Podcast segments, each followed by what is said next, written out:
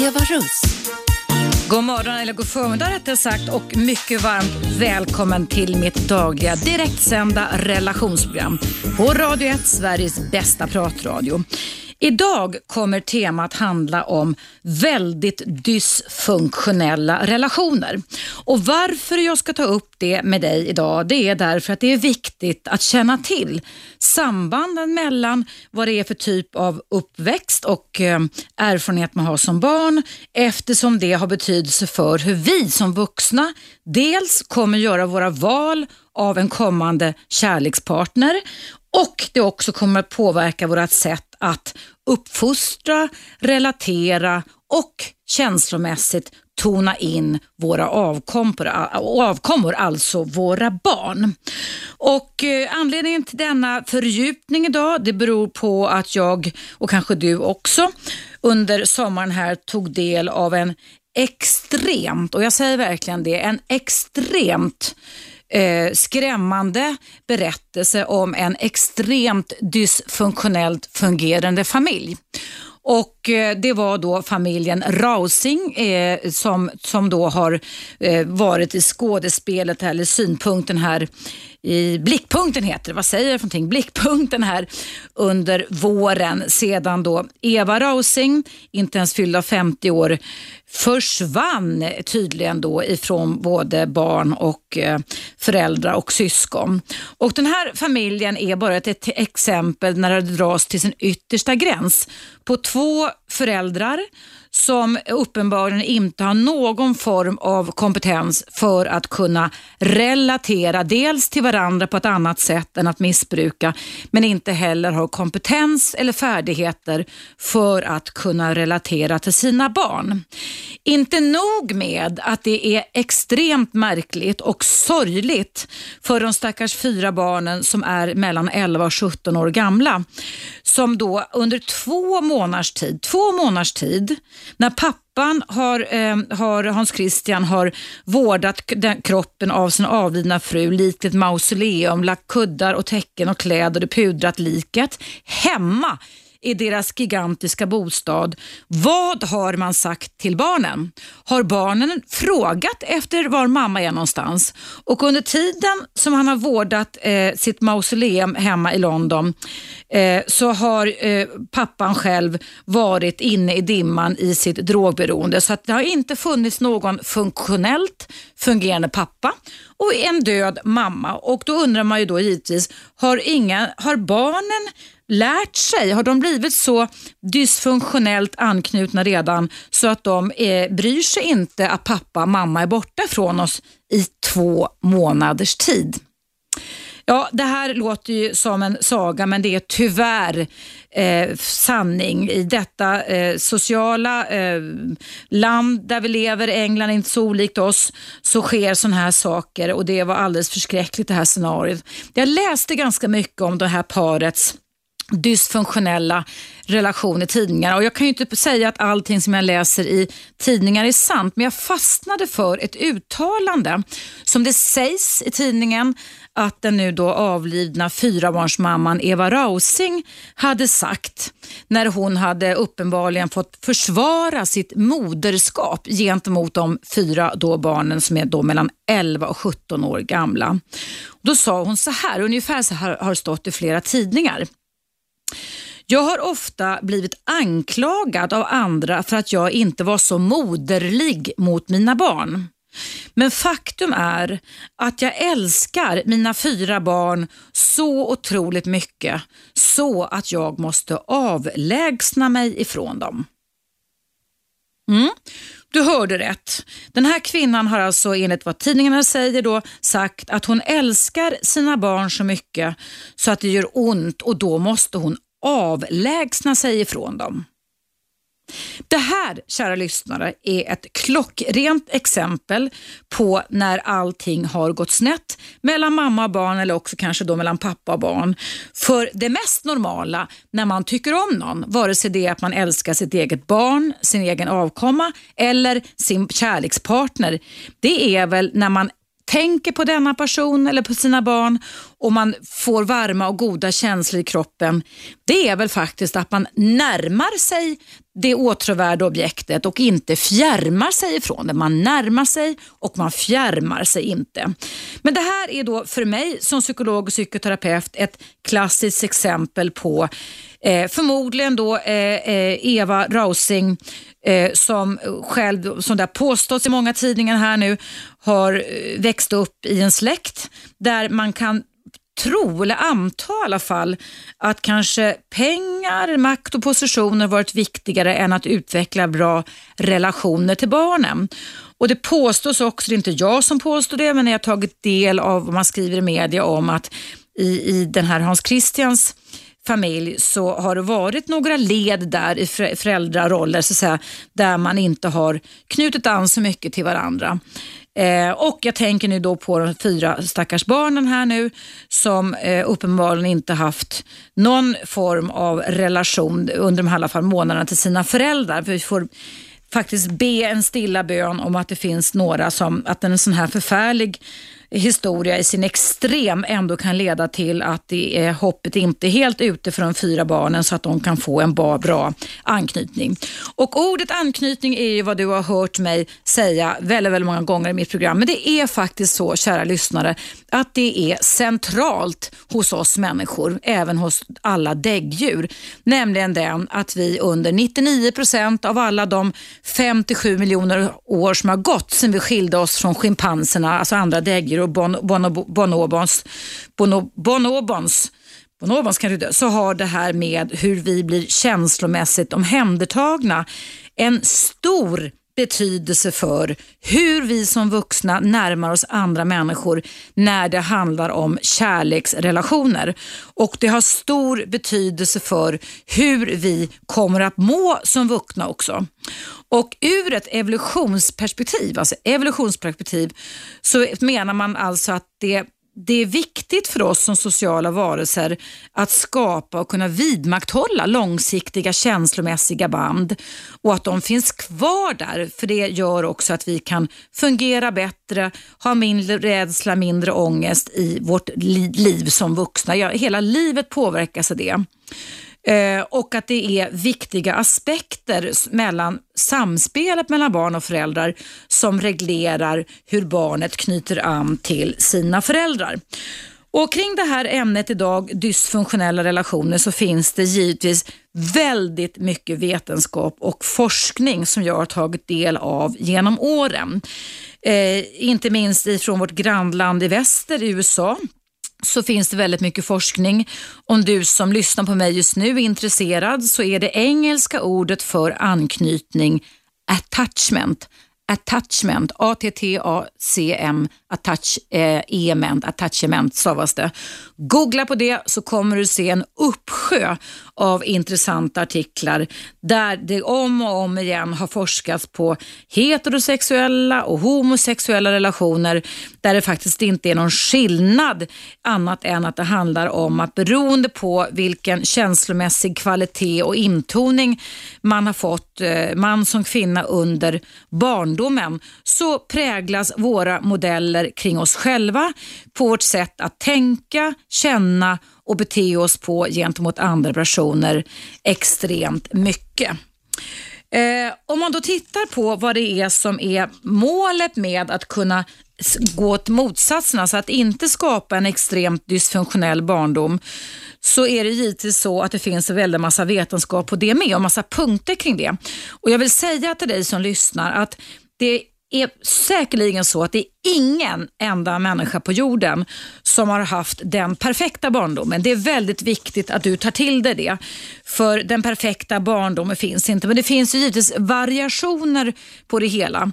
Eh, och Vad som är oerhört viktigt om vi nu ska hjälpa våra barn att kunna välja bra kärlekspartner som vuxna och att inte ridas så mycket av ångest, rädsla och frustrationer eller deppighet eller självmordstankar som vuxna så är ju givetvis det här med att kunna känna sig trygg att känna sig trygg är en oerhört viktig aspekt under uppväxten. Eh, jag ska fortsätta att berätta för dig men också börja läsa upp några lyssnarmail som har just kring dysfunktionellt fungerande i vuxna parrelationer att göra. Men just nu när man har som mest roligt och kommit upp i varv så är det dags för en liten paus här på Radio 1, Sveriges bästa pratradio. Jag heter Eva Russ, du lyssnar på mig i direktsändning och efter pausen så kommer jag berätta för dig vilka saker som är viktiga för att skapa motsatsen till en dysfunktionell barndom, nämligen en bra och trygg barndom. Åsikter.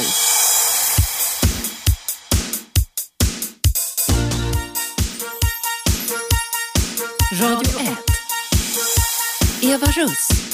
Varmt välkommen tillbaka. Idag i mitt direktsända relationsprogram så pratar jag om uppkomsten kring att man får dysfunktionella relationer i vuxenlivet som kan spöka inom oss på känslomässiga nivåer och skapa väldigt mycket ångest och depressionsproblematik faktiskt livet ut. Det går att göra någonting åt det här. Det är aldrig för sent som någon författare en gång sa att skapa sig en bra barndom.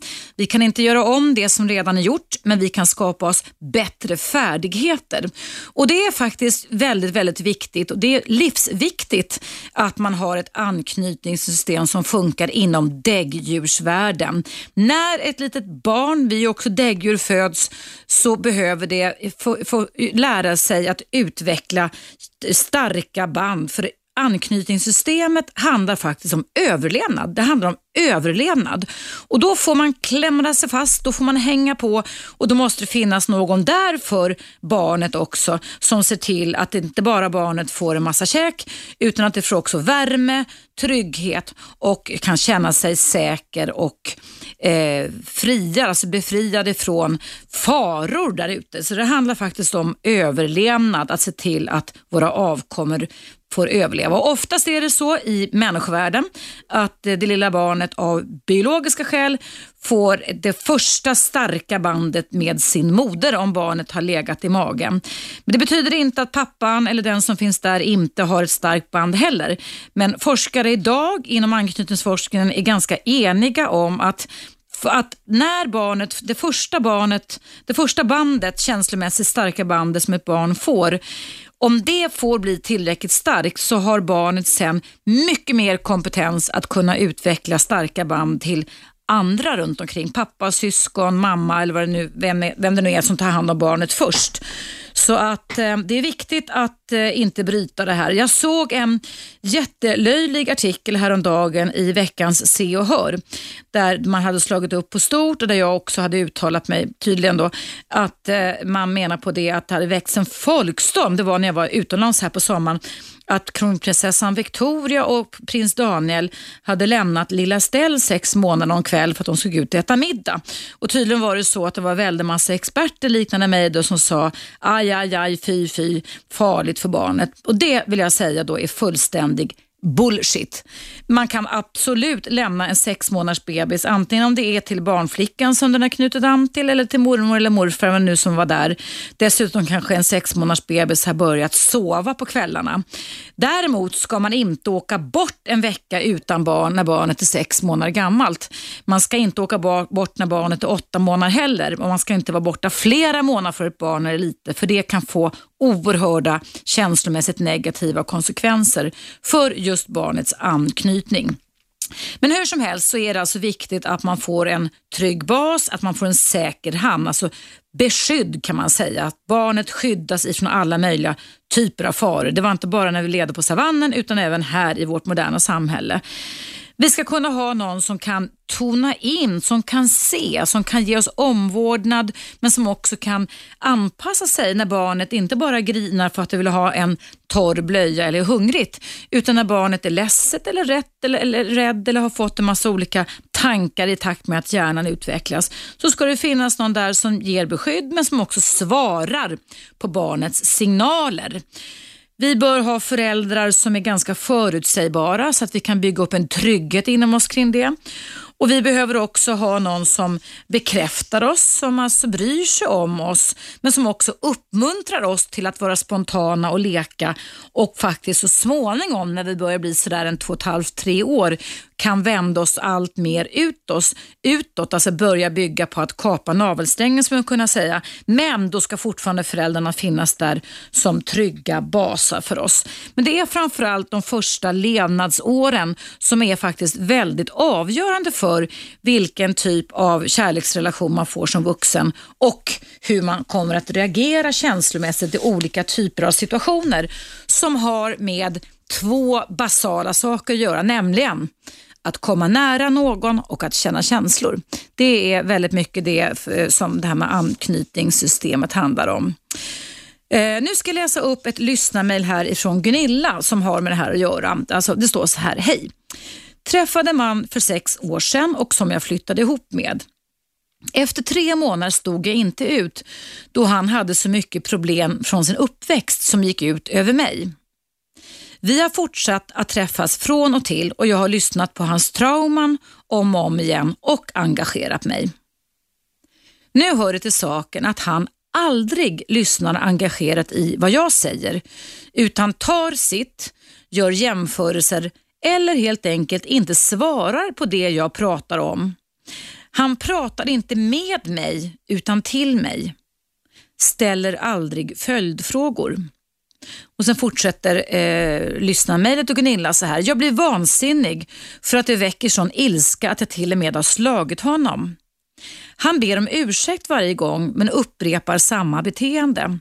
Jag säger varje gång att jag inte vill träffa honom mer.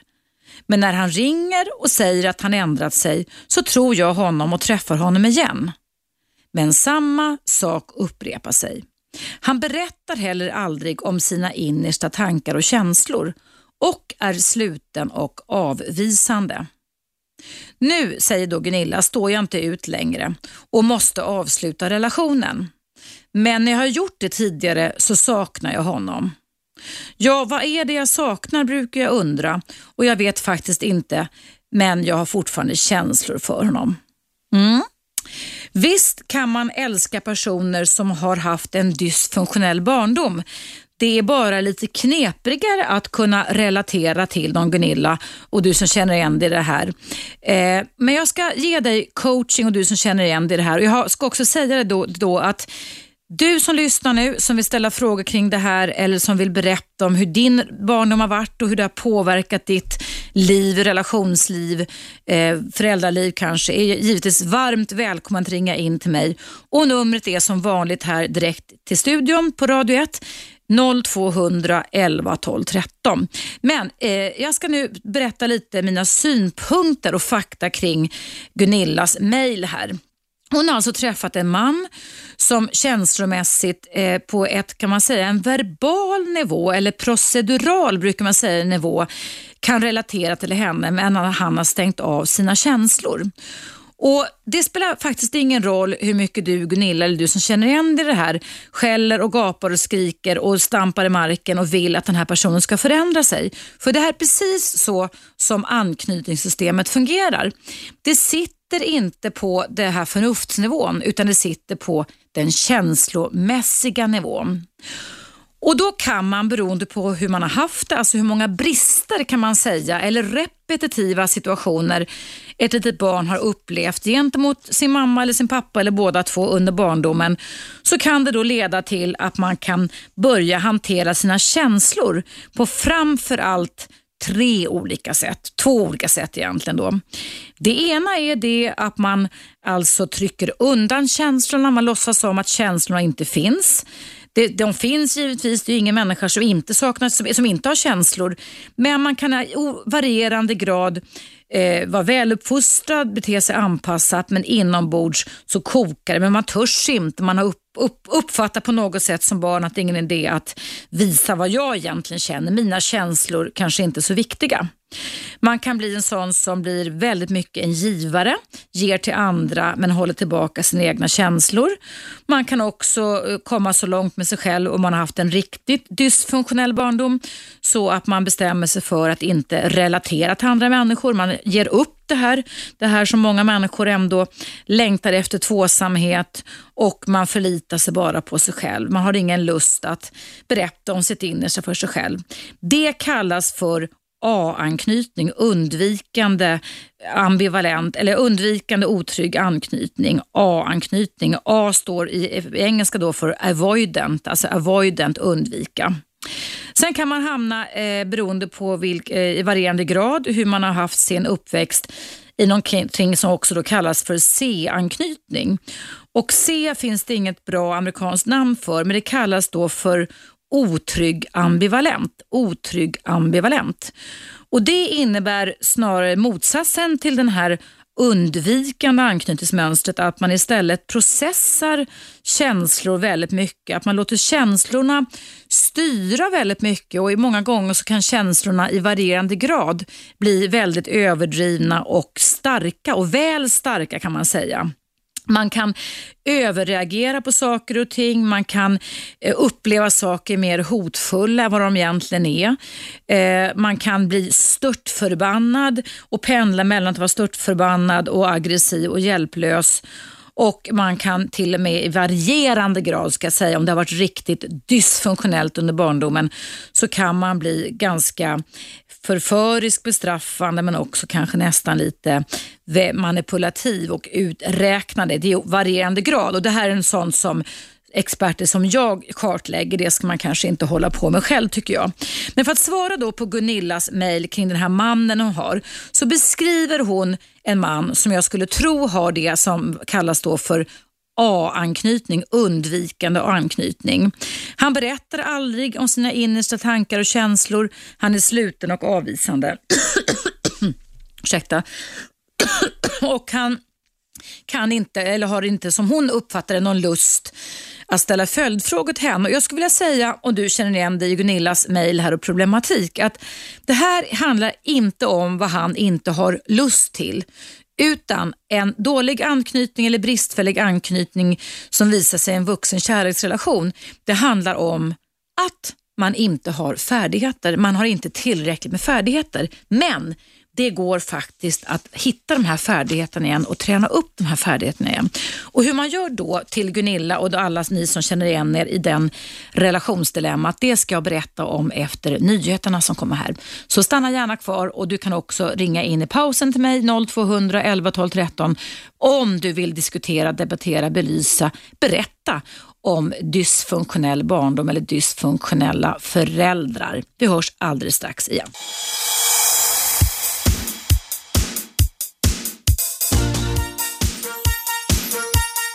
Radio 1. Eva Russ. Mycket välkommen tillbaka. Dagens ämne i mitt direktsända radioprogram handlar om dysfunktionella, en dysfunktionell barndom, vad det får för konsekvenser för våra vuxna kärleksval, våra val av partner. Jag inleder det här programmet med att eh, reflektera över så som det har gestaltats i media under sommaren. Eh, den nu avlidna Eva Rausings uttalande om att hon har, inte, hon har blivit anklagad för att hon inte varit så moderlig mot sina barn. Och så säger hon citat att hon älskar sina fyra barn så mycket så att hon ibland måste avlägsna sig ifrån dem. Och Det, kära lyssnare, är precis det som jag också coachar Gunilla kring som har mejlat in till mig som har en man som är avvisande och sluten och inte berättar om sina tankar och känslor. Jag skulle tro eh, att det som Eva, den nu avlidna Eva Rausing sa har att göra med en barndom som har att göra med att känslor inte var så viktiga utan man fick lov att anpassa sig till eh, hålla undan sina egna känslor. Så när man då känner känslor som hon då uppenbarligen gjorde av kärlek, då måste hon alltså fjärma sig istället för att närma sig. Och Det är ett exempel på det som jag kallar då för en undvikande anknytning, en A-anknytning. Och Vill du googla på det här så finns det jättemycket, eh, teori, jättemycket forskning kring det här att läsa. Men jag ska fortsätta då och prata om Gunillas mejl. Hon håller på att bli galen av förtvivlan och frustration för hon har knutit an till en man sedan sex år tillbaka som aldrig berättar om sina innersta tankar och känslor. Och jag vill säga då det, det är att det här går att träna bort. Ehm, den här mannen eh, har vissa färdighetsbrister. Det är ingen sjukdom, det är ingen störning. Det är ett sätt som han har räfflats till att bli. Eh, beroende på, helt klart, klockrent har att göra med hur hans, hans känslor intonades när han var liten.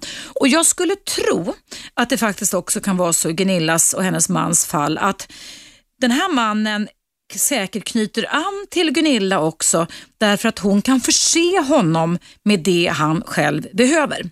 Och Det är ofta så det kan vara. Det finns även forskning kring anknytning som faktiskt visar att om någon, om någon har haft den här otrygga anknytningen, antingen då där man håller tillbaka känslor, anpassar sig men inte berättar sitt innersta eller vågar erkänna hur man känner, blir rädd för känslor, eller de som lever ut och överdramatiserar och reagerar, överreagerar för mycket i varierande grad så kan man oftast söka sig till en partner som kanske haft den minst påfrestande barndomen, det som kallas då för en trygg anknytning. Trygg anknytning.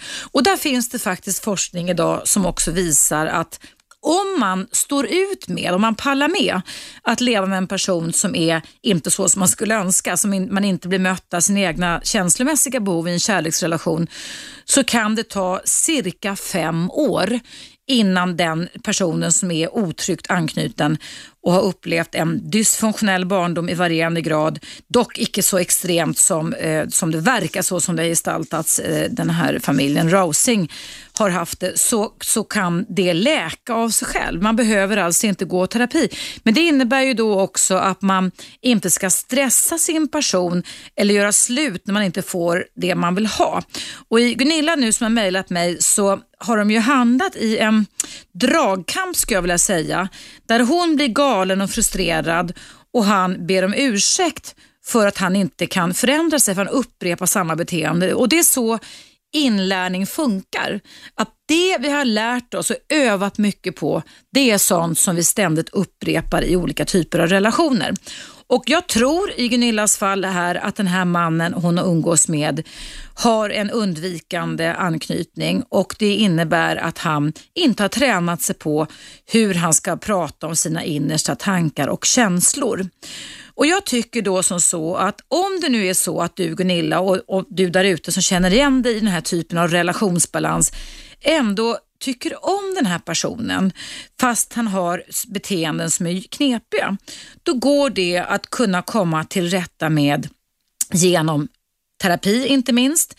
Kognitiv beteendeterapi är alldeles utmärkt. Det finns anknytningsinriktade terapier idag eftersom det är ett hett ämne världen över där man kan träna sig på de här olika typer av färdigheterna. Eh, man kan eh, eh, uppmuntra sin partner, man kan läsa på, man kan förklara att det är någonting som jag skulle önska att du kunde bli bättre på. Istället för att bli så frustrerad och ilsk. För jag är nämligen övertygad om att en person som av någon anledning har lärt sig sedan barndomen att det här med känslor inte är så viktigt. Jag aktar mig för känslor. Jag håller inne med vad jag tänker, känner och så vidare. Eh, kan ju då bli ännu mer låst när partnern står och gapar och skriker och kräver att den vederbörande ska öppna upp sig.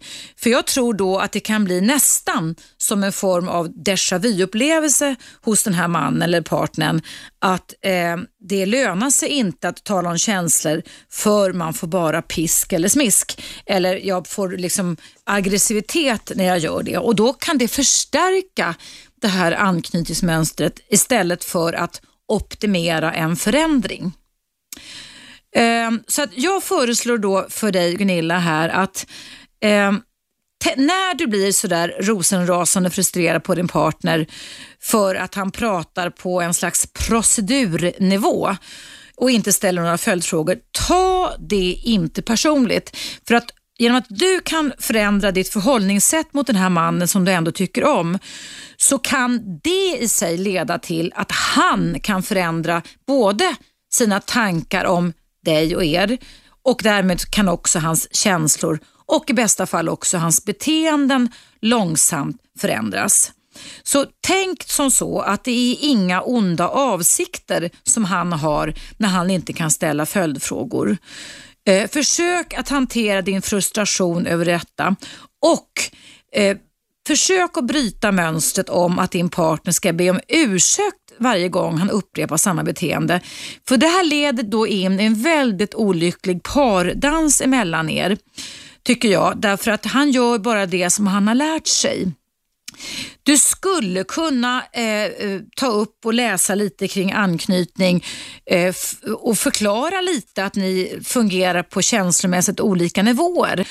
Och eh, kanske öva honom lite i att berätta lite vad han tänker och känner i små portioner. För ska man lära sig nya färdigheter så kan vi inte börja med de svåraste först.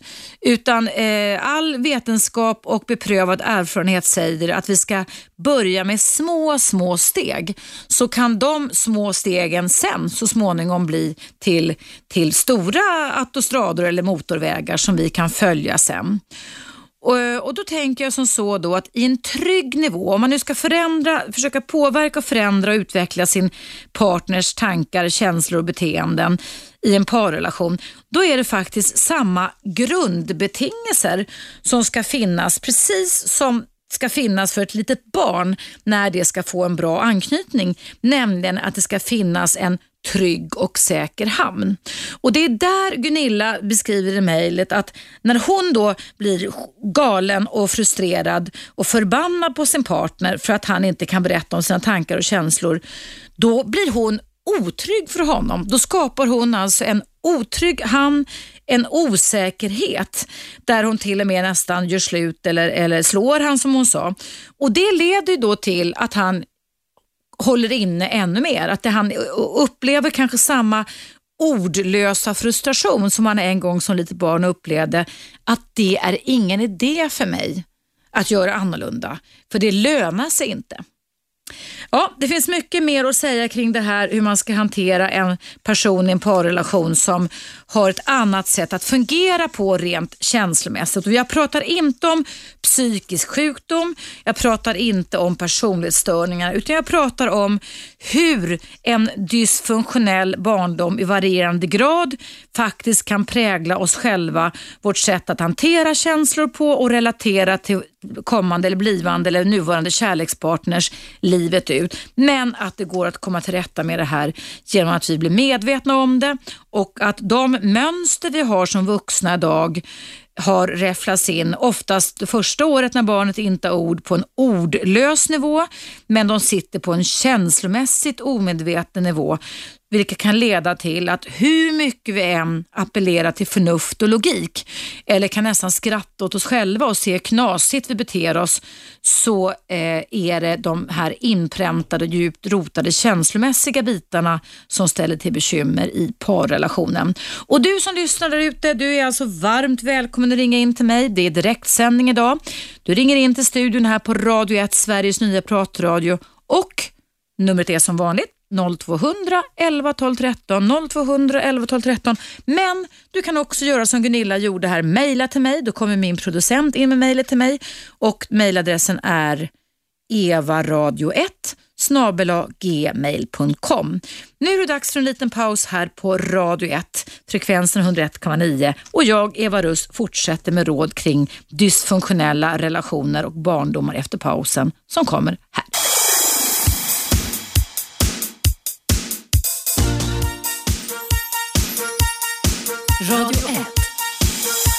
Eva Russ. Varmt välkommen tillbaka till mitt relationsprogram som går i direktsändning exakt just nu. Och dagens ämne handlar om dys dysfunktionella relationer som skapas av en eh, bristfällig eller dysfunktionell barndom. Jag har alldeles nyss coachat Gunilla som har mejlat in till mig om att gäller om hon vill stanna kvar hos sin man som hon ändå älskar, att inte tänka i onda avsikter, att söka kognitiv beteendeterapi är alldeles utmärkt. Eller att försöka skapa en trygg och säker hamn och inte att hon överreagerar för då skapar hon samma, samma rädsla för att kunna uttrycka tankar och känslor som man just har tränat på och som sitter inpräntat sedan han var barn. Nu ska vi höra vad Petter som har väntat en stund kan berätta om sin barndom. Hej Petter! Hallå, hallå. Välkommen! Tack! Vad vill du berätta och belysa? Ja, jag tänkte på det här du sa att eh, eh, dysfunktionell uppväxt och att eh, det kan ta kanske en fem år att komma ur det här. Om man, om man träffar en partner ja, som har en tryggare anknytning än den man har själv? Ja, precis. Och jag, som sagt, jag har väl själv vuxit upp i en sån familj kan man säga. Kan du berätta lite kort hur du växte upp, vad du var med om och upplevde? Ja, det var väl att pappa drack en del och eh, jag tror att mammas stora jobb det var bara att se till så att allt funkade mm. rent praktiskt. Eh, vilket märktes så här i efterhand ska man tänka att jag inte fått så mycket, som, som du var inne på, trygghet. Nej. Det var ju inte ledordet i vår familj. Var det otrygghet istället Petter? Det skulle man kunna säga. Och det har tagit sig uttryck på olika sätt. Jag har förstått det långt senare. Va? Mm. Att man, vad, vad, man gör istället och så vidare. Mm. Du, hur gammal är du nu Petter? 42. 42. Och, och ehm, eh, vad, vad, hur har det fått uttryck? Vad är det för insikter du har fått av din barndom? Uh, nej, men att uh, just här känslor, att man blir arg och ledsen och man gör liksom inte, får inte riktigt utlopp för det. Mm. Uh, när man är ledsen, det visar man inte. Mm. Utan, uh, och inte arg heller egentligen. Och när, när jag blev arg, då blev jag helt galen istället. Det blir för starka känslor istället, ja. Ja. Men det jag ville lite komma till var att jag träffade en kvinna när jag var 22 som var äldre och trygg mm. och hade haft en helt annan uppväxt. Uh, och hon hade ett jättetålamod med mig, kan man väl säga. Mm. Uh, vi var tillsammans i 11 år och fick barn och... Men, och hon, eller som man säger så här, hon sa till mig att jag behöver gå och prata. Men grejen är att jag tyckte inte det själv. Mm.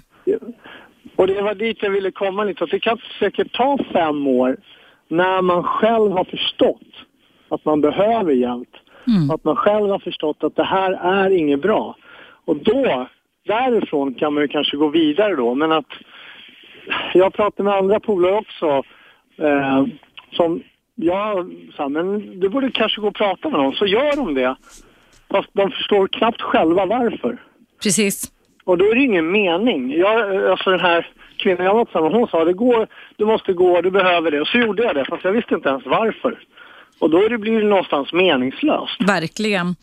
Men du, har du jobbat på annat sätt? Alltså man be alla behöver ju inte gå i terapi, det vill jag verkligen inte säga, utan man kan ju också bli medveten om att eh, i en trygg relation så kan man ju också förändra sina beteenden om den andra är ganska trygg då. Men tycker du, vad är det för typ av beteenden? Det här, både att inte visa, inte visa när man är ledsen, inte få utlopp sa du Petter, men också att överreagera som har blivit ditt sätt att fungera rent känslomässigt tidigare.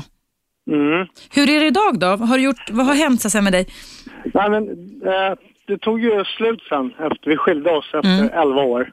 Och eh, där någonstans, alltså, det var jättejobbigt för mig. Jag ville inte det. Eh, då började jag någonstans rannsaka mig själv. Och vi har fortfarande vi har haft jättebra kontakt hela tiden. Och jag har liksom frågat henne efteråt varför och vad det var. Uh, och verkligen, verkligen försökt lyssna. Mm. Och ta åt mig. Och sen träffade jag en ny kvinna. Men jag märkte att samma, jag gör samma fel igen. Mm. Det är så det funkar oftast. Ja. Precis.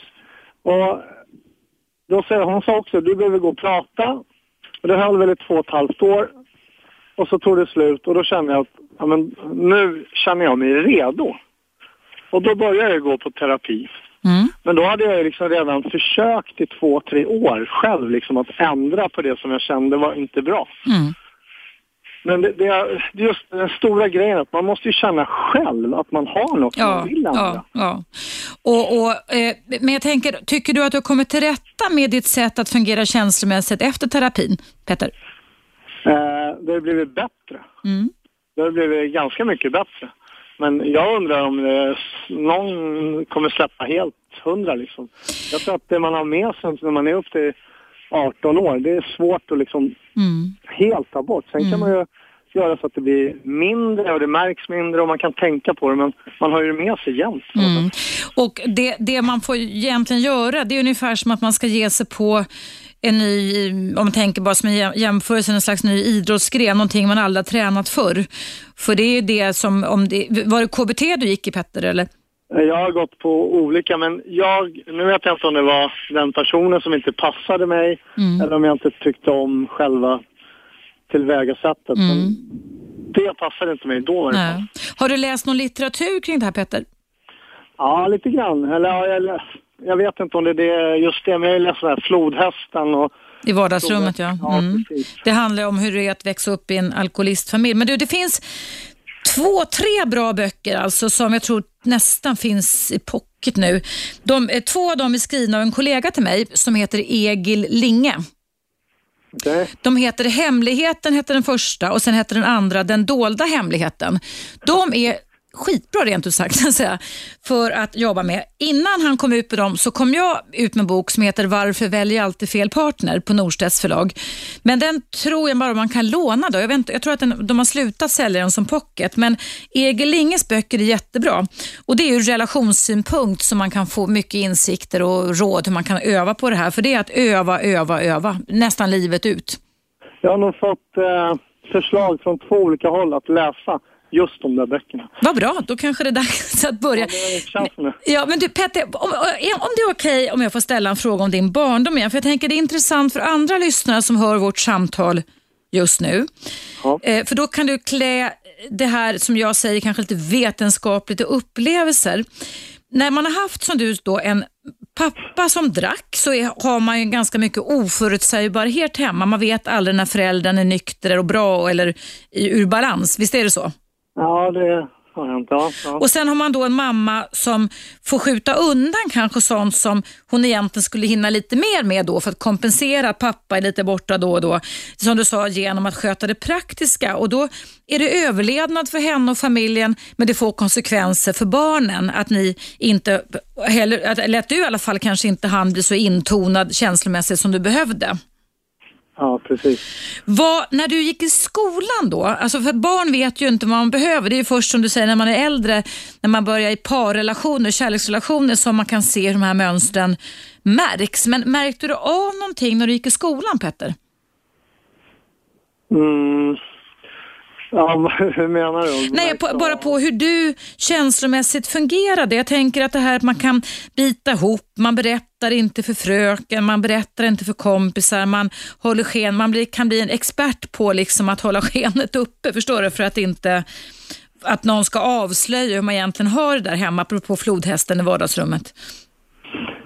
Uh, jag tror jag la, jag la mig till en ganska hård attityd mm. i skolan. Mm. Jag var liksom... Eh, kom ganska lätt i bråk och mm.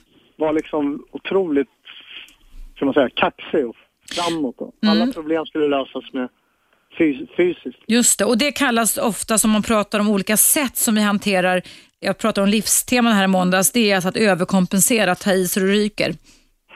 För att, skydd, för att ingen ska kunna se hur, egentligen, hur du mår eller hur du känner dig inombords? Eh, ja, mm. jag har inte tänkt på det men det låter väl inte omöjligt. Nej. Du, lever du i någon relation idag Petter? Ja, idag har jag träffat en ny kvinna. Vi har varit i, i tre år. Mm. Hur funkar det då? Eh, det funkar bättre och bättre. Eh, vi har haft mycket upp och ner dalar. Mm. Men eh, ska man säga sista det här året har det blivit lugnare och lugnare. Vad roligt, vad glad jag blir att höra det. Ja, det är skönt. Men du, ta och, och låna eller köp de där böckerna för det är bra att ha och det kan man också prata med sin partner om. Förstår du? Alltså att man kan läsa den nästan tillsammans eller ett kapitel var så, så kan man diskutera lite sen. Hur kan vi använda det här på oss? är en ganska bra fråga. Ja, precis, precis. Och öva lite på det. Så att, men som sagt, det stämmer det du säger att liksom ränderna som en gång har räfflats in och som är lite dysfunktionella när vi växer upp eh, sitter kvar. Men det är övning, ger färdighet. Det är ungefär som att man ger sig på, om man har varit bra på höjdhopp så ska man bli sprinter plötsligt så att säga. Man måste träna extra mycket då på de färdigheter som man inte kan hantera så bra. Och jag kan väl säga, min, en av mina tankar, eller vad ska jag säga, jag vet inte vad man ska kalla det för tips, men jag har ju bett både min förra kvinna och den nuvarande, jag har ju bett dem säga till. Mm. Det, jag, jag, jag tror jag kan bli ganska dominant. Mm. Och, men jag har bett dem att säga till liksom, när de känner att jag blir det eller när jag blir sarkastisk eller när jag nu... För eh, vissa grejer tänker inte jag på, jag bara är. Just det. Har, har, de, hjälpt, har de hjälpt dig med det då, Petter? Ja, det har, eh, det har faktiskt eh, funkat, inte hela tiden, men, men ibland. Då, det tycker jag är bra. Jag vill ju, jag vill ju ändra mig. Det tycker jag är en väldigt fin eh, eh, egenskap hos dig. Jag hoppas att många hör vad du säger. Just det att man efterlyser återkoppling och att man är öppen för det. Det är ju enda sättet för att vi ska kunna bli medvetna om våra mönster och, och kunna förändra dem. Medvetenhet är ju nummer ett så att säga. Och det, då kommer man in på det som du sa tidigare, att att när du pratar om det här Gunilla och hennes ja, just det. man där, att han, man gör det inte med flit. Det är det som är grejen. Just det, inga onda avsikter. Man flit, utan man bara, man bara är som man har lärt sig. Eller som ja. man... Det går på millisekunder ibland reaktionerna. Så förnuftet hinner inte tänka överhuvudtaget. Du Petter, tack så väldigt mycket för att du vill vara med mig idag och ge, ge den här, klä som sagt var det här ämnet om dysfunktionell barndom och dysfunktionella vuxenrelationer i ord. Jag uppskattar det väldigt, väldigt mycket och jag önskar dig all lycka till i ditt nuvarande relationsliv. Ja, tackar. Tack snälla för att du lyssnade. Tack för att du ringde in. Tack så Hej då. hej. hej. Ja, kära lyssnare, du kan också göra som Petter gjorde nu. Det är dags för nyheter här på Radio 1, Sveriges nya pratradio. Eh, numret in till mig direkt in i studion är 0200 11 12 13 och jag pratar alltså som relationsexpert idag om dysfunktionella relationer och en dysfunktionell barndom. Hur det kan pränta in olika typer av ja, problematiska känslor och beteenden i våra kroppar som kan spöka långt upp i ålder, ja kanske hela livet i våra parrelationer. Vill du berätta om din barndom eller ditt relationsliv som utifrån den här aspekten, ring in till mig 0200 11 12 13 och som sagt var, du kan ringa in även under nyheterna som kommer exakt här.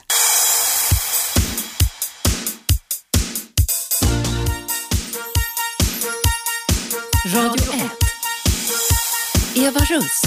Mycket varmt välkommen tillbaka till mitt direktsända relationsprogram. Jag heter Eva Russ och i dagens ämne handlar om dysfunktionell barndom, vilken betydelse och inverkan det har på vårt sätt att fungera som vuxna och inte minst och i synnerhet när vi ska knyta an till kärlekspartners som vuxna.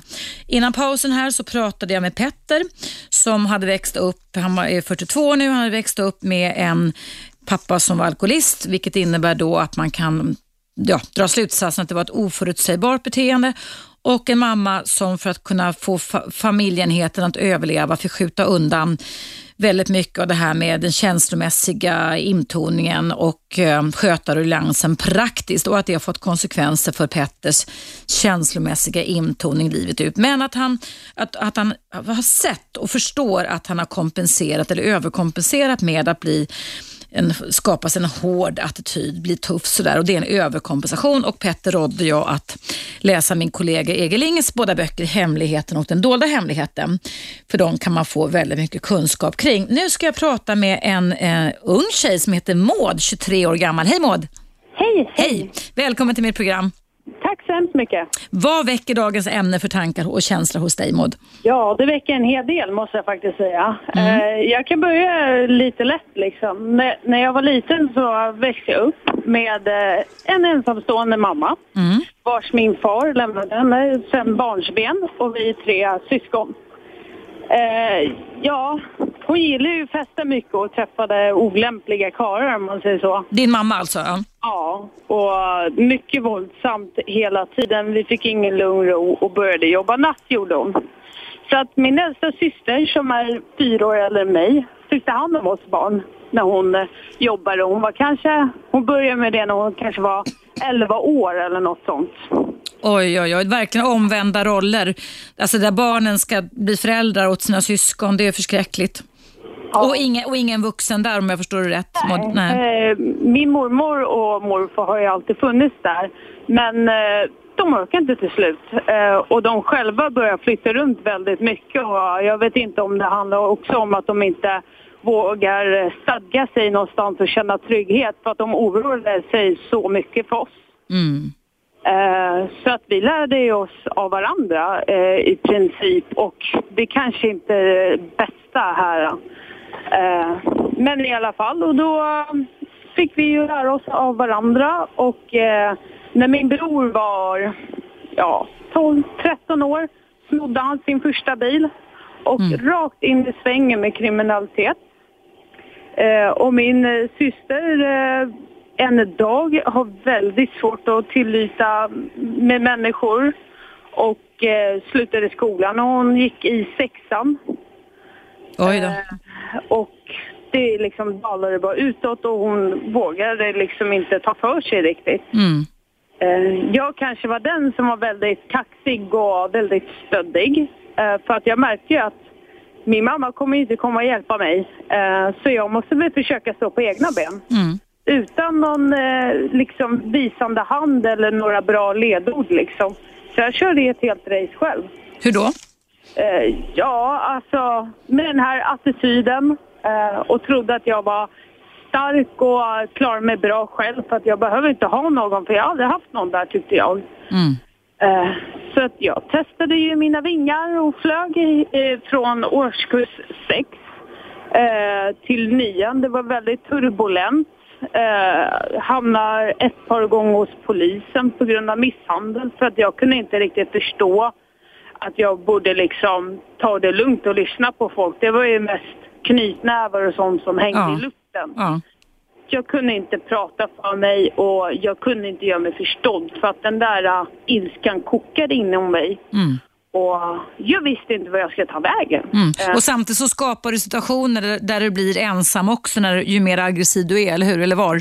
Ja, och då backar jag ju undan för att jag vill inte ha någon folk in på mig liksom, för att jag klarar det ju mig själv. Ensam är stark kallas det, Maud. Ja, mm. som jag försökte intala mig, mm. men eh, det är ju inte riktigt så. Nej. Men i alla fall, eh, och sen när jag kom upp liksom lite mer från IA. Jag visste ju vad jag ville bli jag hade bra visioner på mitt liv. Men ändå så var det så där att jag började inse att killar var ju något trevligt. Uh, och känslomässigt, jag orkade inte med att ha ett förhållande på ett normalt sätt. Jag tillät dem komma in i mitt liv på mina villkor. Mm. Uh, och bara liksom sexuellt, för att jag vill inte umgås med dem som med mina syskon dagligen. Mm. Eh, och att de lär känna mig liksom. Det, det passade liksom inte riktigt för att jag behövde inte dem på det sättet. Du pratar om killar nu, alltså killar. Ja. Så att sex funkade och det är också klassiskt, om jag får bara flika in det Maud, det är också klassiskt att man kan alltså bli lite desillusionerad själv. Så att ja. man kan ha sex men man vill inte knyta an. Ja, precis. Komma känslomässigt nära. Fast det är egentligen ja. då man ska vara känslomässigt nära ja. eh, och inte fly lite och så. Ja. Har, har, har, du... Hur har du, har du löst det här på något sätt? Du har ju väldigt goda insikter om och kan berätta bra. Har du fått någon hjälp med det här Maud? Ja, jag skulle komma till det faktiskt. Eh, och eh, började liksom hålla på så här i ett par år. Sen började jag märka liksom, fan det är något konstigt med mig liksom försökte plussa ihop varför jag beter mig så här. För att mina kompisar var ju absolut inte så här. Mm. Eh, när det gällde killar och det. Och, uh, ja. Så att, eh, men i dagens läge så är jag tillsammans med en kille. Eh, han har själv eh, haft problem med alltså dysfunktionell familj och eh, är gammal missbrukare. Mm. och varit det i snart sju år. Han gick ju på A-möten mm. och det hjälpte ju mig så att jag började läsa hans böcker. Och lite innan jag träffade honom så försökte jag ju tänka efter och sätta stopp för mig själv när jag började visa de här beteenden när Va? jag inte vill knyta an. Vad klokt av dig tycker jag Maud. Bra jobbat. Ja, jag, jag försökte i alla fall och sen så läste jag de här böckerna och jag började förstå mig för mm. första gången. Hur, gam hur, gammal var du då Maud när det började bli en vändning för dig? Eh, ja, för fem år sedan. Okej, okay, när du var 18 alltså? Ja, eh, wow. och eh, då började jag liksom bara plussa ihop liksom att jaha okej okay, och acceptera det mer att visst, jag kanske inte har haft världens bästa uppväxt men jag har haft en uppväxt och jag har haft mina syskon. Mm. Eh, men jag kanske inte hade allt just då. Och det är därför jag vill liksom försöka göra allting bättre oavsett hur jobbet det än har varit så kan jag inte göra det oavgjort. Nej, nej. Du Maud, har du möjlighet att stanna kvar? För det är alldeles strax dags för en reklampaus här och så ja. vi kan avsluta samtalet lite. Ja. Är det okej? Okay? Då, då ja. sitter du bara kvar och gör ingenting så, så drar jag ner reglagen så hörs vi alldeles strax efter reklampausen. Okej? Okay? Bra, hej. hej.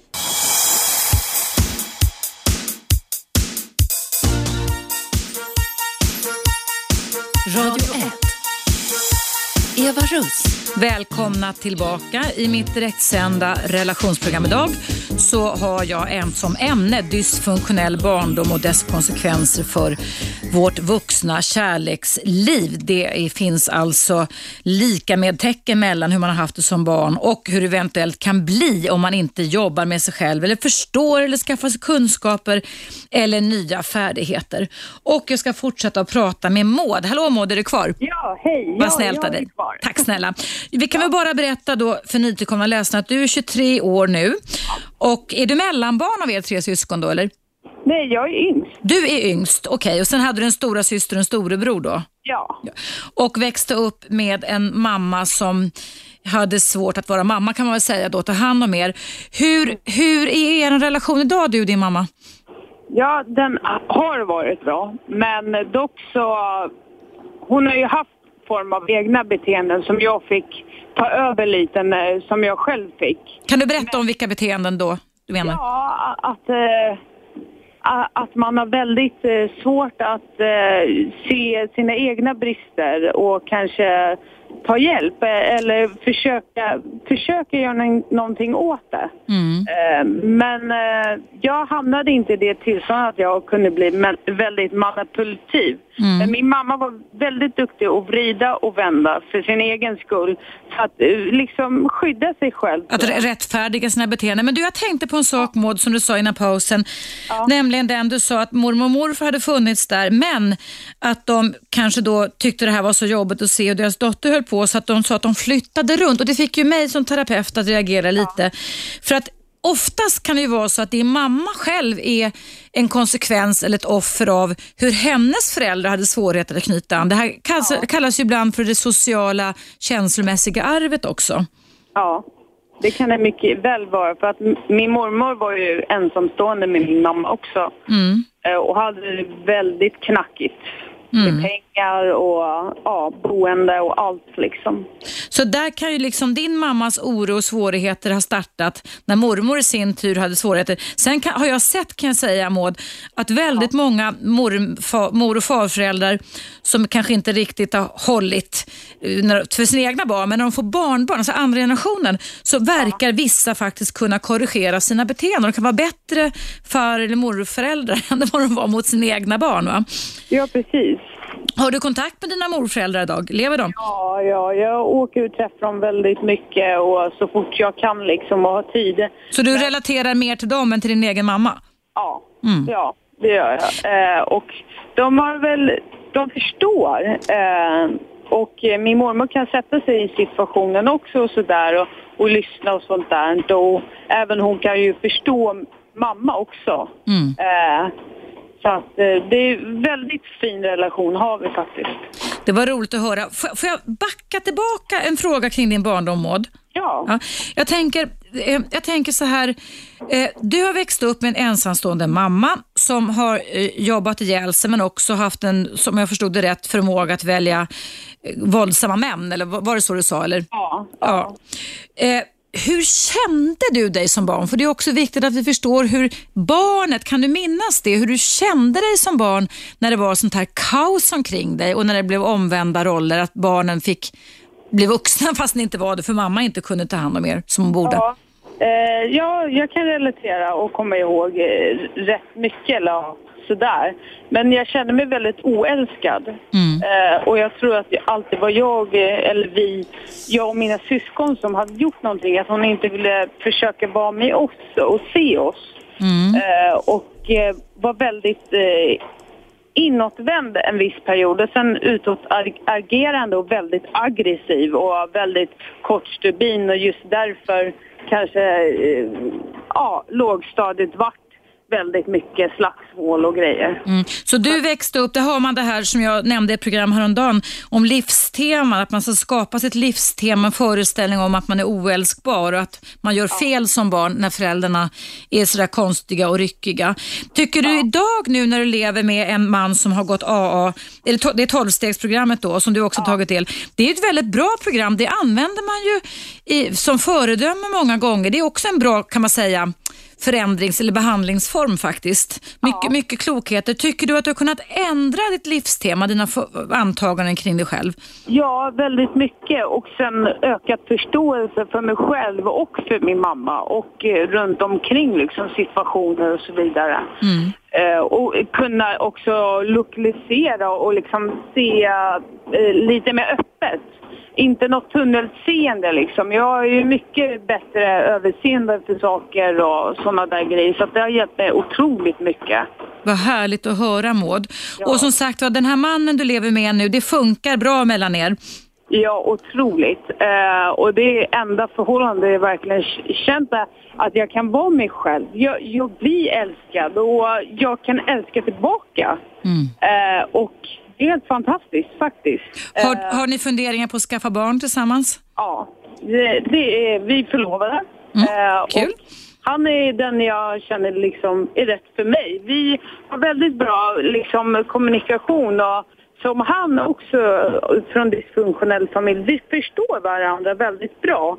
Mm. Och det blir inget dysfunktionellt av det. Vi försöker bearbeta liksom tillsammans eh, de här eh, beteendena som faktiskt finns kvar. Och då har ju ni verkligen möjligheten, Maud, du och din fästman, att skapa nya betingelser, alltså skapa en bra barndom och anknytning för era kommande barn när ni har de insikterna. Det är ju med medvetenhet, som jag sa innan pausen, som vi kan förändra våra beteenden, men vi kan inte förändra om vi inte vill vara medvetna eller förstår vitsen med det heller. Det precis, för då är det ju väldigt svårt att förändra mm. saker. Ja. Och du, din kontakt med din mamma idag, ni hade ingen kontakt sa du eller? Nej, inte, in, inte i dagens läge. Mm. Men jag skulle tro att hon mår ganska dåligt inombords. Ja, eh, det tror jag också. Eh, men just för tillfället så känner jag liksom för att gång på gång blev man fortfarande sviken och då mm. blev jag fortfarande påmind om det när jag var lilla barnet liksom och då känner jag att jag måste växa mer som person och eh, ännu mer liksom för att kunna liksom umgås med henne. Mm jag är fortfarande lilla barnet. Ja. Liksom, och, och, hon har inte jobbat på samma sätt som du har gjort Maud och kommit till Nej. nya insikter eller medvetenhet? Nej. Nej. Du, du sa någonting om din bror där som hade börjat på någon slags kriminell bana om jag uppfattade det rätt. Gör han det fortfarande eller vad har hänt? Ja, och, och tungt missbruk. Vad tråkigt. Men där kan man också se att alltså, väldigt, eller alla, nästan så gott som alla våra beteenden i, i tonårs och vuxenålder hänger ihop med hur vi har farit illa eller inte illa när vi var barn. Det har stor, stor betydelse faktiskt.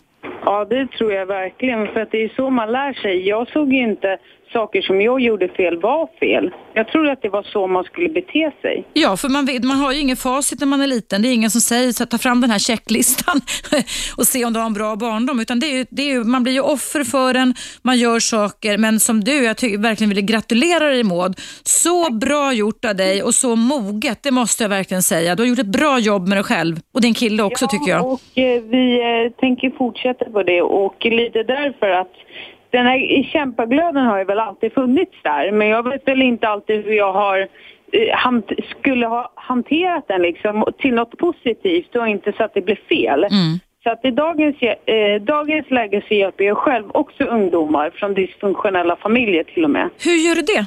Eh, via socialen. Och vad gör du då? Ja, jag är kontaktperson, umgås med barnen, kanske ger dem lite tips och råd och du vet sådär. Kom, komma liksom eh, lite utanför det förgiftade liksom. Vad fint av dig. Det är fantastiskt Jättefint av dig att du gör så Maud också. Du, jag vill önska dig all lycka till i ditt fortsatta liv och relations och arbetsliv också och vill tacka dig jättemycket för din öppenhet idag. Det var fint att du kunde berätta så mycket om dig själv. Jag tror att det är många lyssnare som tar till sig vad du berättade just nu. Ja, tack så hemskt mycket Eva. Så tack för ett otroligt bra radio. Jag hoppas verkligen att eh, det hjälper folk för att det, förutsättningar för att det kan bli bättre liksom. Ja, det är min önskan också. Ha det jättebra Maud och tack för att du var med idag. Hej då. Hej, hej. Ja, än en gång tack Maud. Ehm, det är fint när ni lyssnare vill bjuda på era eh, upplevelser och även här både Petter som ringde innan, era reflektioner och eh, tips om hur man kan jobba med sig själv. Bra jobbat båda två tycker jag. Nu är det dags för nyheter här på Radio 1 och du lyssnar på mig i direktsändning Eva Russ, relationsexpert här på Radio 1. Men du kan också läsa eh, varje dag faktiskt på webben på Aftonbladet där jag jobbar sedan tio år tillbaka också mina råd under relationsakuten och Fråga Eva. Det är helt andra frågor än här så att säga live. Men som sagt var, nu är det dags för nyheter och stanna gärna kvar och du kan också ringa in till mig om, eftersom temat ända fram till klockan 12 idag handlar om dysfunktionell barndom och dess konsekvenser och inverkan och betydelse för hur vi skapar våra liv som vuxna. Numret är som vanligt 0200 11 12 13.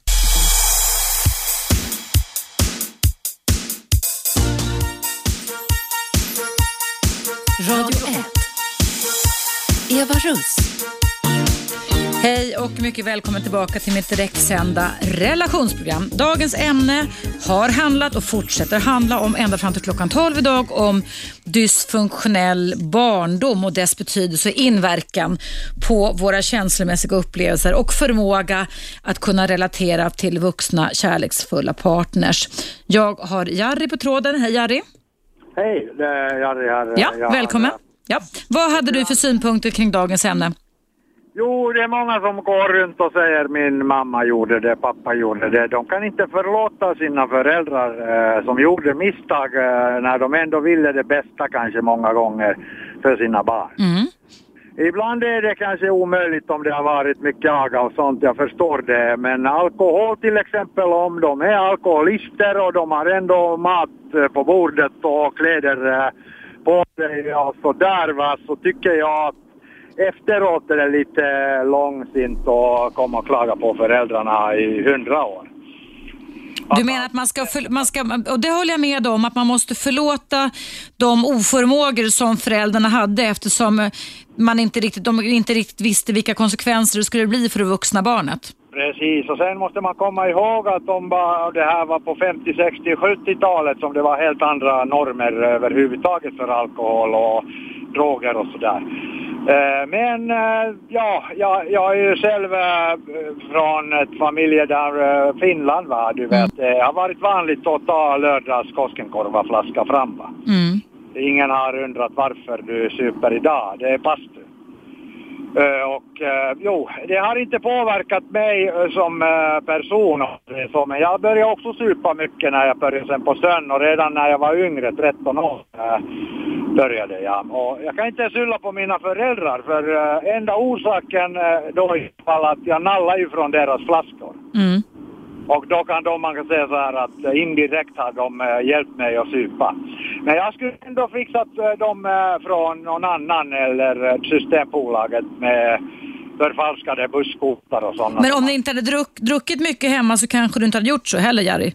Ja, men hemma hos mig drack man redlöst utan det var det där lördags Koskenkorva, pappa var eh, krigs, eh, två krig hade han gått igenom. Mm. Han hade eh, vissa dagar grät han och berättade krigshistorier och... Han var ganska traumatiserad. Var det finska vinterkriget då, ett av dem eller? Ja, båda, efter och vinter ja. Okej, okay, ja, så han var med om båda och det han sätter sina spår. Han var bara 17 år när han gick in va. Oj, oj, oj. I värsta läget blev skjuten i foten och oj, sådana oj. grejer va. Mm. Han, han berättade hur han uh, tog pansarvagnar, uh, de låg i, bakom trädet och sen tittade de var pansarvagnen kommer så lade de minan där och sen när den stod stilla då öppnade de tankluckan eller väntade tills de öppnade och sen en salva in och sen en molotov cocktail. Oj, oj, oj. Och sen sa han så här att de skriken han hörde från tanken efter han hade slängt molotov cocktail inne för de brann ju levande. Mm det spökade. Han kunde ja. på nätterna ha mardrömmar så han slog sönder eh, väggar. I, det förstår jag. Det är, po det är posttraumatisk stress, Jari, heter det. Ja. Det är väldigt många som är med i krig som är med om det.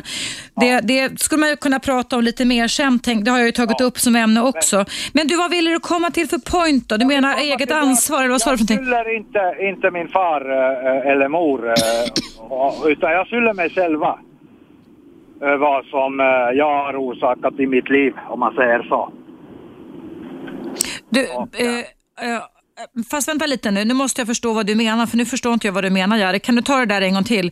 Att du skyller inte på... Nej, jag, men, jag, jag, menar inte att man ska skylla på sina föräldrar, men man kan förstå att uppkomsten till vissa saker kan i må många gånger härledas till vad vi har lärt oss och inte lärt oss när vi var små. Ja, precis. Jag lärde mig att ta hand om mig själva. Ja, du blev ensam och stark kanske som Maud blev som ringde in här. Ja, jag, blev, jag har blivit överstark alltså. Sen senare när jag började träna, liksom i, som jag berättade, jag har varit kampsportgrejer äh, och sånt mycket, 30 år va. Mm. Och där har jag då mediterat och ökat min kapacitet på både vänster och höger hjärnhalva. Så jag är liksom äh, inom matematik och språk är jag liksom nästa till geni, likaså geni mm -hmm. och sånt. Det, liksom, eh, för mig är ingenting omöjligt i dagsläget. Nej, nej. Så du tycker att det kan ha varit en nytta, en kraft för dig också att kunna ha det som du har haft det? Ja, det kan jag hålla med. Sen har jag ju bott på landskapet också, på landet alltså. Mm, Sen mm. Eh, kan jag säga så här att äh, jag har slutat med alkohol äh, redan äh, efter det jag slutade på söndag, för det blev för dyrt att dricka då. Mm. Förr drack man för 50 kronor en flaska Sivar Regal. Mm, mm. Och sen kommer man i land och vill ha samma vanor. Det är omöjligt. Det är du, är du, är du uh, nykterist numera, Jari? Nej, jag är inte nykterist. Det tror jag inte finns finnar som är nykterister. Det finns bara finnar som ljuger. Okej, okay. men, men, du äh, har dragit ner på din alkoholkonsumtion. Jag men du, har uh, dragit ner totalt, du, men jag dricker öl och... Okay. en sista fråga här innan vi har en kort paus igen. Eh, det är, du är ju pappa själv har du berättat för mig. Ja. Och du, hade du en 17-årig son om jag inte minns fel? Eller? Jag har uh, fyra, uh, jag har två döttrar och... Eh, okej, uh, okej. Okay. Och, och hur gammal? Yngsta är 14, 5, 16 fyllde han. 16, ja. det var han du hjälpte med matten va? Var det inte så eller? Han kan, ja, man kan säga så här att jag behövde inte mera än när han knäckte koden så Just det, just det. Själva, Men jag bara tänker, hur pass medveten är du som förälder Jerry över hur dina beteenden, eller bra eller dåliga beteenden, kan liksom påverka dina barn?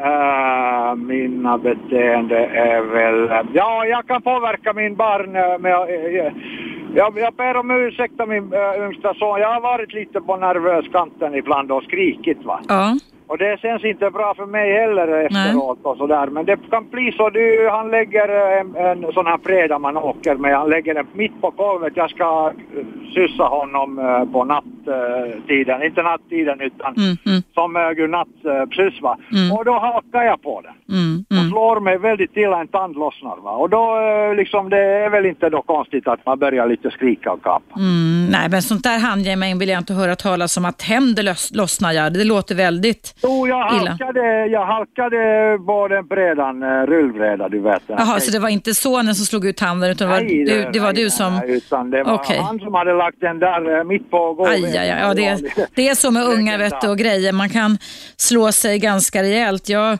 stukade foten eh, här i somras, men det gjorde, det gjorde jag i Alperna, men inte uppe i Alperna utan på en tröskel. Jag hade gått ja, ja.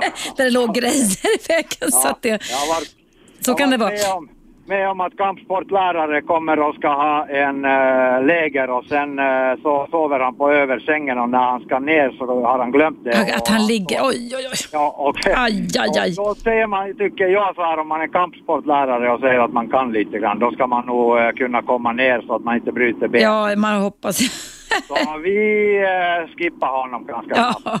Du Jari, tack för ditt inlägg idag. Tack ja, för att okay, du eh, var ordentlig och skötsam när du pratade med mig idag. Det uppskattas väldigt mycket. Nu måste vi ta en liten paus här.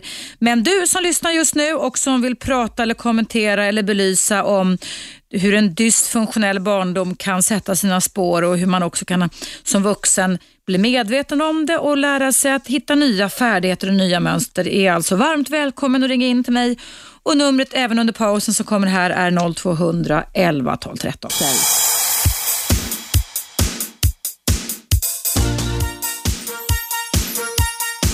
Radio 1.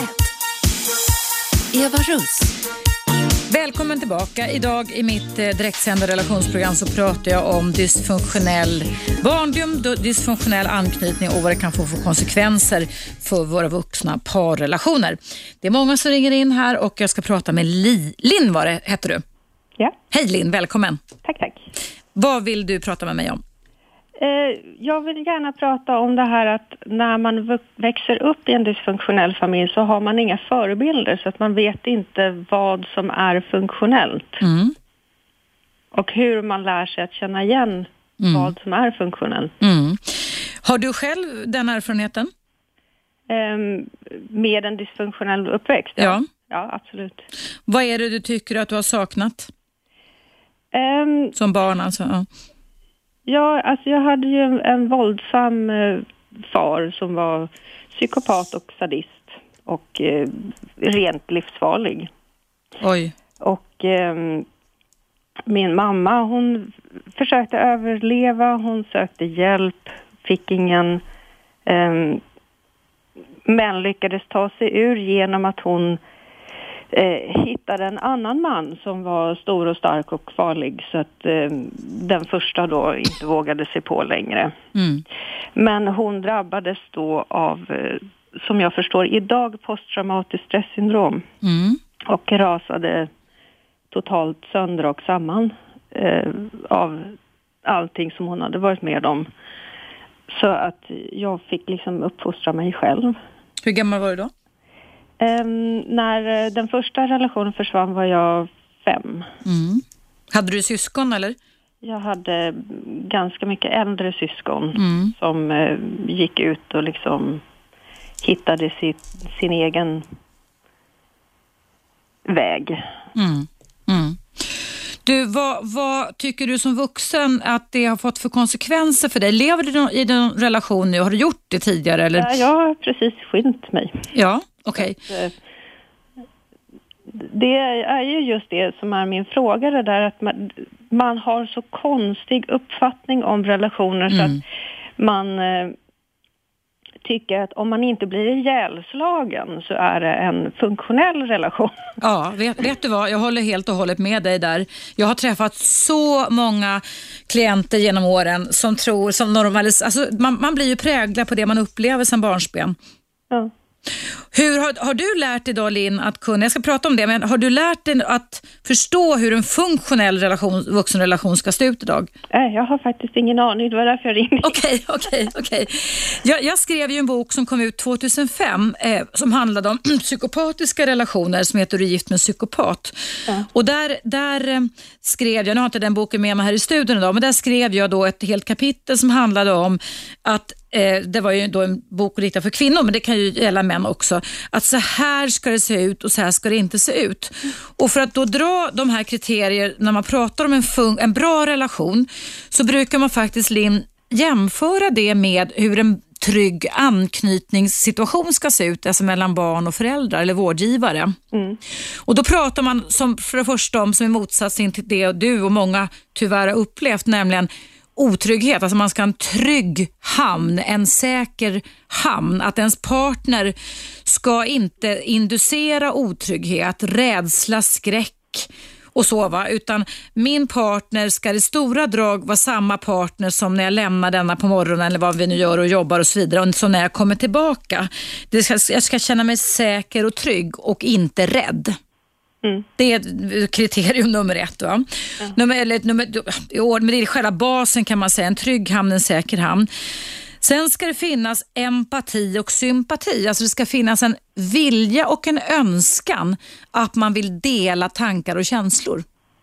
Okay. Och att man vill visa sympati, alltså att man när någon mår dåligt, är rädd, mår, alltså det händer saker i livet, då ska partnern finnas där och fråga älskling, vad har hänt? Jag ser att du är ledsen. Får jag höra? Kan jag hjälpa dig på något sätt? Så vi ska relatera till varandra när den andra eh, befinner sig i någon sinnesstämning, någonting sånt där som inte är så bra och inte förakta och förringa den andra personens känslor. Okay. Och sen så ska man givetvis också vara förutsägbar. Det är samma sak som trygg och säker hamn i en vuxen parrelation. Så att det är precis, det är också motsatsen till det som du säkert har upplevt med en pappa som var som du sa psykopat och sadist och våldsam. Det är ju att vara icke förutsägbar, eller hur? Ja, ja, absolut. Utan det ska vara att man ska känna sig trygg med sin partner. Man ska kunna veta att när vi går ut på någon tillställning eller går ut på stan så ska man inte gå omkring och vara skräckslagen för att det kommer hända något utbrott, utfall eller slagsmål, någonting sånt där. Utan jag ska veta liksom vad jag har med min partner. Det ska vara en säkerhetszon kan man väl säga i en relation. Och Sen så är det också viktigt att man eh, kan kalibrera, att det finns ett intresse, nyfikenhet. Att man alltså vill prata om saker. Att man bekräftar varandra, jätteviktigt också. Ser varandra, stöttar varandra, jätteviktigt också. Och att man har, eh, målet i relationen är att man ska vara hjälpsamma och inte ohjälpsamma. Mm. Det är väldigt stora. Sen tycker jag också det är bonus just det här med nyfikenhet och att man att man, är, att, man, att man är jämlika, det har vi i alla fall här i västvärlden och inte minst i Sverige som kriterium. Det är ju väldigt bra att vi inte ska behöva underkasta oss den andra personen eller att vi ska hamna i någon slags självuppoffring. Ibland får man ju göra det i vissa situationer i livet när ens egna behov får stå tillbaka, så är det ju. Va? Men det här att man ser sig själv som en, en enhet, ett team där man hjälps åt och ibland avlöser varandra och ibland får man stå tillbaka. Ibland är det min tur att få vara först så att säga, i mina projekt och så vidare är jätte, jätteviktigt. Ja och att man har roligt ihop, att man kan leka. Men också tycker jag också att man kan få vara autonoma, precis som ett litet barn. Att man har rätt till att ibland få göra egna saker, egna projekt utan att den andra ska ridas av svartsjuka och frustration och kontrollera en. Okej. Okay. I stora drag. Tycker du att det låter vettigt eller vad tycker du Linn? Det, det låter jättevettigt. Jag tror att, att um, jag har lite för mycket riktat in mig på att för att undvika att vara rädd så kan jag köpa att jag inte har något av det där andra som du räknade upp. Mm. Att eh, inte få någon respons känslomässigt eller att den andra är ointresserad eller att man kan tolka ointresse som trygghet. Mm, exakt, exakt. Det, blir, det kan bli så, alltså när man i princip alltså får en form av felinstallerade tankar, känslor och, och förväntningar och bilder, inre bilder om hur det ska vara. För ett barn vet ju inte hur det ska vara, eller hur? Vi anpassar oss efter den uppväxt vi får. Ja. Så kan det bli så när man är, precis som du beskriver nu Linn, att man är vuxen ålder, feltorkad. Du kanske hörde inledningen på mitt program idag. Hörde du klockan tio i morse? Um, vet inte. Jag Nej, för jag, för jag, jag, tog som ett exempel på en extremt, alltså en extremt dysfunktionell fa fungerande familj, nämligen familjen Eva och Hans Christian Rausing. Där ma mamman, som det uttalats, som dessvärre dog här nu då och förvarades som en slags mausoleum av den djupt drogpåverkade pappan. De har fyra barn, va? men i alla fall där mamman har sagt då innan hon dog i tidningar, som det står citat, att hon har anklagats för att inte vara så moderlig. Men hon älskar sina barn så mycket så att hon ibland, det gör ont och då måste hon fjärma sig ifrån dem. Okej. Det är liksom tvärt, när man älskar någon vill man ju närma sig någon istället. Ja, så det är ett exempel som jag hajar till på som expert, att, som ett väldigt klockrent exempel på när det blir fel. Och Det är lite det du säger till mig också, eller hur? Ja. Att man, man gör motsatsen, så att säga. Att man, eller att man överreagerar eller att rädslan styr en så ja, man går åt fel håll. Liksom. Jag fjärmar mig, därför att jag, jag, tycker att jag ändå kan knyta an till andra människor, mm. gärna vill göra det. Men att, att man har lite det här att om någon är ointresserad av mig mm. så är de inte farliga. Just det. Just därför att är de intresserade så kan de vara farliga. Mm. mm. Det är lite som katter som hoppar upp till, på de där som tittar minst på dem Just det. För att just de det. är minst farliga. Mm. För. Men du är ju medveten, för det har jag pratat om idag, det här också, att bli medveten är ju första förändringsmöjligheten. Har du, nu har du skilt dig sa du precis, har du levt ja. länge den relationen? Um, ja, en sex år ungefär. Okay. Var det här det som du beskriver just nu, Linn, något återkommande livstema för dig i din relation?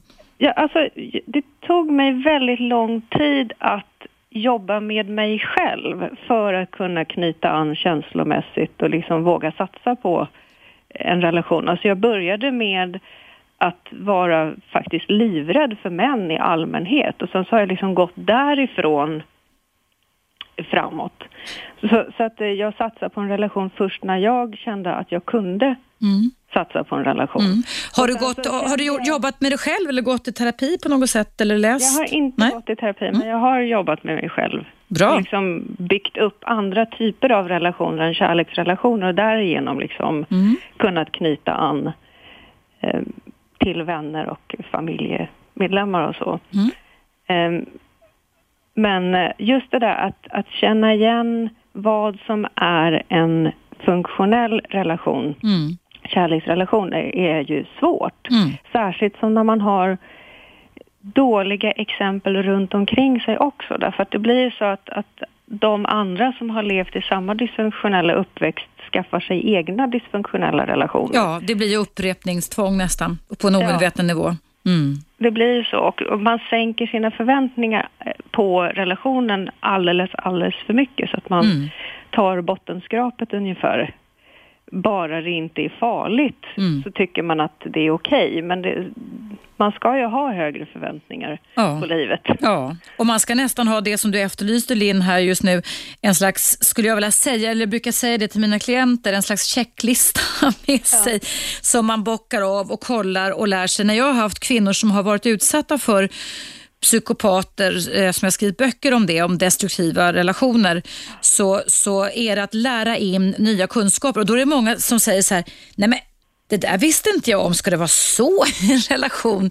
Ska, ska det kännas så? Så det är nyinlärning, att lära sig nya färdigheter och öva på dem sen och vara ganska hård och faktiskt välja bort personer, både män och kvinnor, som eh, efter i alla fall eh, två försök visar det som man en gång har sprungit ifrån, det man inte vill ha, då får man vara lite tuff och välja bort, tycker jag. Nej, jag, jag, valde, jag valde ju en motsats, men då blev det istället så att jag, jag fick ta hand om en person som var skadad, eller? skadad mm. på sitt sätt mm. istället. Ja. Så att, eh, det hade varit bättre med en mer jämlik relation. Ja, men det kanske kommer nästa relation du har Linn. Man, ja, vet, man, du, du, du, det låter som att du tar dig framåt mer och mer och så ser livet ut. Ja. Att vi löser inte allt på en denna gång, men just medvetenheten om hur jag gör mina val, hur jag själv beter mig och vilka livsteman typ dig då det här med rädsla eller bekräftelse som finns och spökar. Det kan man ju då på sikt träna bort, öva bort genom att bli medveten och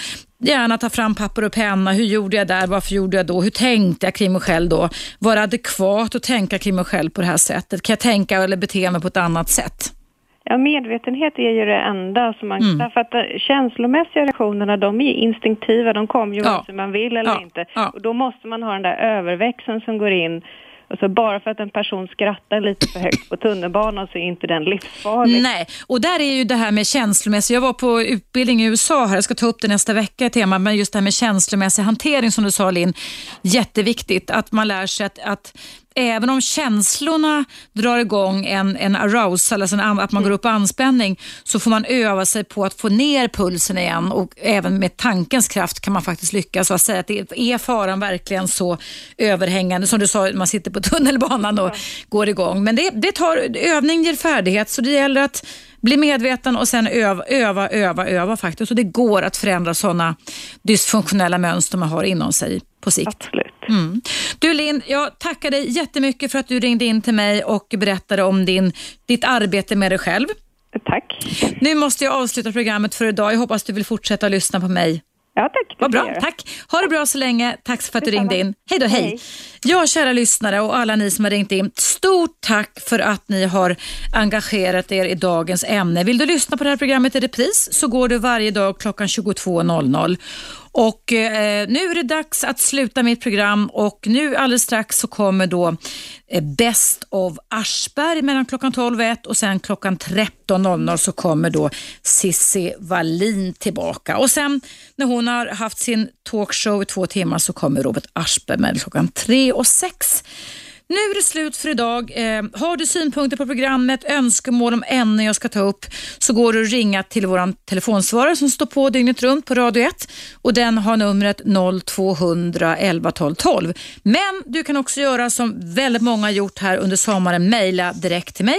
Du kan gå in på vår Facebook-sida men du kan också mejla till evaradio1 snabelaggmail.com. Därmed sätter jag punkt för idag och hoppas att du som har lyssnat har fått lite kunskaper kring detta ganska svåra men ack så viktiga ämne. Jag önskar dig en bra dag.